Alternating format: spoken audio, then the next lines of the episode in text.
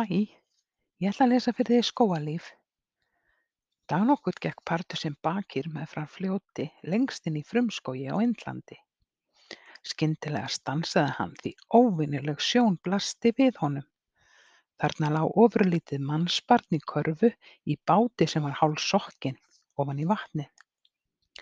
Bakir kenndi í brjósti um barnið og bar körfuna á þurrt land. Hvað á ég að gera við þig, litla kríli, hugsaði hann með sér. Um leið mundi Bakir að úlfahópur hélt sig í nágrenninu. Úlfarnir tóku stundum að sér svona litla unga og því skyldu þeir ekki taka að sér þennan mannsunga. Bakir ákvað að bera körfuna af stað þar sem hann vissi að úlfarnir myndu finna hana. Og úlfarnir voru fljótir að þefa upp í körfuna með barninu. Bakir sá úr leini að þeim leist vel á krílið og þeir myndu hugsa vel um það. Úlfarnir gáfu litla drengnum nafnið Mógli. Svo liðu árin og Mógli óx úr grasi. Úlfarnir kenndi honum úlfamál og að lifa eins og þeir. Mógli lærði að hlaupa eins og úlfur og klóra sér á bak veirun. Þar að auki lærði hann að velta sér á bakinu og þykjast vera dauður. En dag einn bárust slæmar fréttir um skóginn. Stóri tígurinn, Shere Khan, hafði heyrt af drengnum og því var Mowgli nú í hættu. Hann var í lífshættu. Shere Khan hataði mennina því veiðimaður hafði eitt sinn skotið á hann og upp frá því hafði tígurinn stóri viljað hefna sín. Það varð að bægja ógninni frá. Um nóttina hittust úlfarnir og Bakir á stórum kletti. Því miður er það svo að Mowgli verður að fara héðan í snatri, sagði Bakir við úlfana. Hann er ekki óhultur hér lengur. En hvert á hann að fara? spurði einn af úlfunum. Ég flyt hann þangað sem hann er ættaður. Ég flyt hann í þorp mannanna. Mowgli vildi ekki yfirgefa frumskóginn. Þar fannst honum hann eiga heima. Bakir var sterkari en Mowgli svo að brátt voru þeir laðir á stað. Bakir hélt ferðinni áfram þangað til var orðið næstum aldimmt. Félagarnir voru orðnir þreyttir og Bakir fann handa þeim væna trjágrein þar sem þeir gátu legið um nóttina.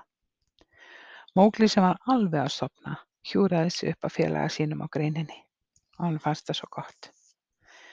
Þótt tréð væri hátt var það Mowgli ekki örugt skjól. Slangan Ka var fljót að koma auga á drenginn og skreið hægt og rólega nær honum. Burt með þig, sagði Mowgli við slönguna. Ka brosti bara smeðjulega og sagði: Vertu ekki smeykur, drengur minn, treystu mér. Ég er góð slanga. Og síðan byrjaði Ka að stara á Mowgli með einkennilegu augnaráði.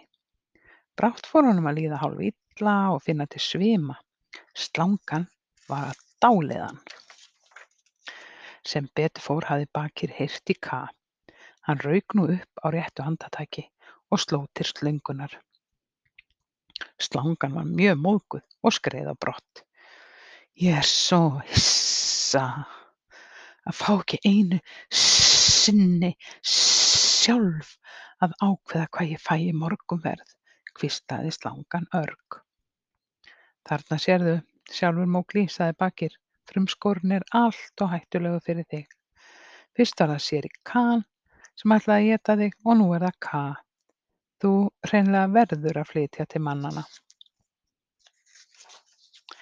En Mowgli vildi alls ekki búa í þorpinu, heldur vera kyrrt, um kyrrt í frumskóginum. Næsta morgun klifraði úr trénu áður en að Bakir vaknaði og hljóp af stað. Allt í hennu heyrði Mowgli einhvern syngja Dúbi-dúbi-dú Dúbi-dúbi-dú, dúbi-dúbi-dú, dúbi-dúbi-dú. Þetta var Balli, stórglaður og vinalegur björn, að syngja morgunsönginn sinn. Dúbi-dúbi, dúbi-dúbi-dú. Balli og Mowgli urðu strax góðir vinir og Balli kenndi Mowgli að dansa eins og björn og að urra eins og björn og að berjast eins og björn. Þeim leið mjög vel saman. En seinna, þegar Mowgli og Balli nutu lífsins á fljótinu, komu nokkrir apar auga á Mógla. Þeir gláptu á hann forviða því að þeir höfðu ekki séð mannsbarn áður. Áður en Mógli vissi af komu litlar loðnar hendur og lyftu honum hátt upp úr vatninu. Aparnir báru Mógla til leiðtoga síns, Loðvíks apakóngs. Sjáðu hvað við fundum, kölluðu þeir. Loðvík kóngur leit á Mógla og sagði: Hann er nú ekkert líkur apa. Ég er ekki api, hrópaði Mógli. Ég er mannsbarn. Loðvík kóngur tók nú nokkra banana og tróð þeim í munninn á Mógla. Nú ertu api, sagði hann, og nú höldum við hátíð. Höldum hátíð, æftu hinir aparnir. Síðan tók Loðvík að dansa, apadans fyrir Mógla og brátt var allt komið á fullt. Því líkt fjör. Balli hafði að sjálfsögðu elt apana þegar þeir hurfu með Mógla á fund kóngsins. Balli ákvað að slást í hópinn, dulbúinn sem api, og reyna í þannig að bjarga vini sínum. Allt gekk upp hjá Balla og brátt gat hann borið Mógla burt á öruggan stað. Þakkaði fyrir að bjarga mér, sagði Mógli við Balla. Þeir vildu að ég yrði eins og api, en ég vil miklu heldur vera björn eins og þú. Já, en þú ert ekki björn, sagði Balli. Þú ert drengur og frumskógurinn er ekki örugur staður fyrir þig. Þú átt að snúa aftur heim í þorpið. Þið eru allir eins, sagði Mógli reiður. Þú vilt ég fara í þorpið alveg svo bakir, en frumskógurinn er heimili mitt og hér vil ég vera. Ég get vel gætt minn sjálfur. Og svo strunsaði Mógli burt. En án þess að átta sig á því hljóp Mógli beint á staðinn þar sem Shere Khan lá í leyni og beið hans. Shere Khan malaði og sagði: Mmm, gaman að sjá þig, drengur minn. Þú átt eftir að bragðast afskaplega vel.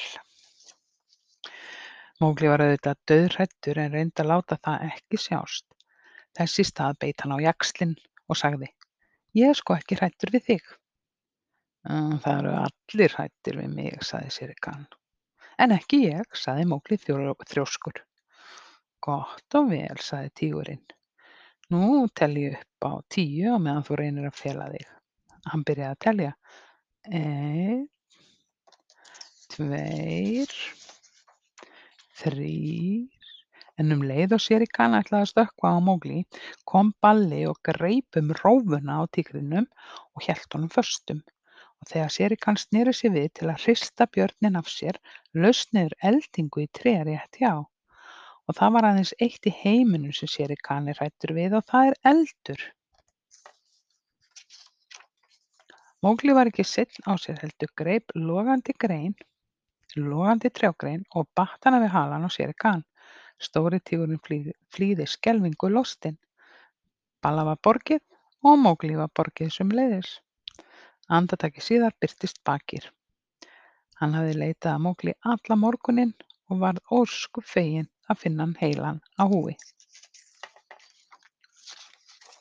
Mikið er ég glaður að ekkert skyldi koma fyrir þig, fyrir þig, sagði Mógli og faðmaði Balla að sér. Mógli var nefnilega viss um að Balli hefði lagt sig í lífshættu við að bjarga honum frá Shere Khan. Og svo útskýrði Mógli fyrir vinnu sínum að hann hefði strokið því hann vildi vera áfram hjá þeim í frumskóginum. Bakir og Balli reyndi ekki að andmæla honum því að þeir voru svo þreyttir. Brátt voru þeir allir steinsofnaðir. Daginn eftir var Mógli loks tilbúinn að viðurkenna að lífið í frumskóginum væri mjög hættulegt fyrir ungan dreng. Hann var því fús til að flytjast í þorpið. Vinirnir þrír héldu nú af stað. Þegar þeir nálguðust þorpið komu þeir að á og heyrðum leið, leið fallegan söng. Þetta var stúlka að sækja vatn í ána. Þarna er mannastúlka, sagði Balli við félaga sína. Hún er svipið mér, sagði Mógli.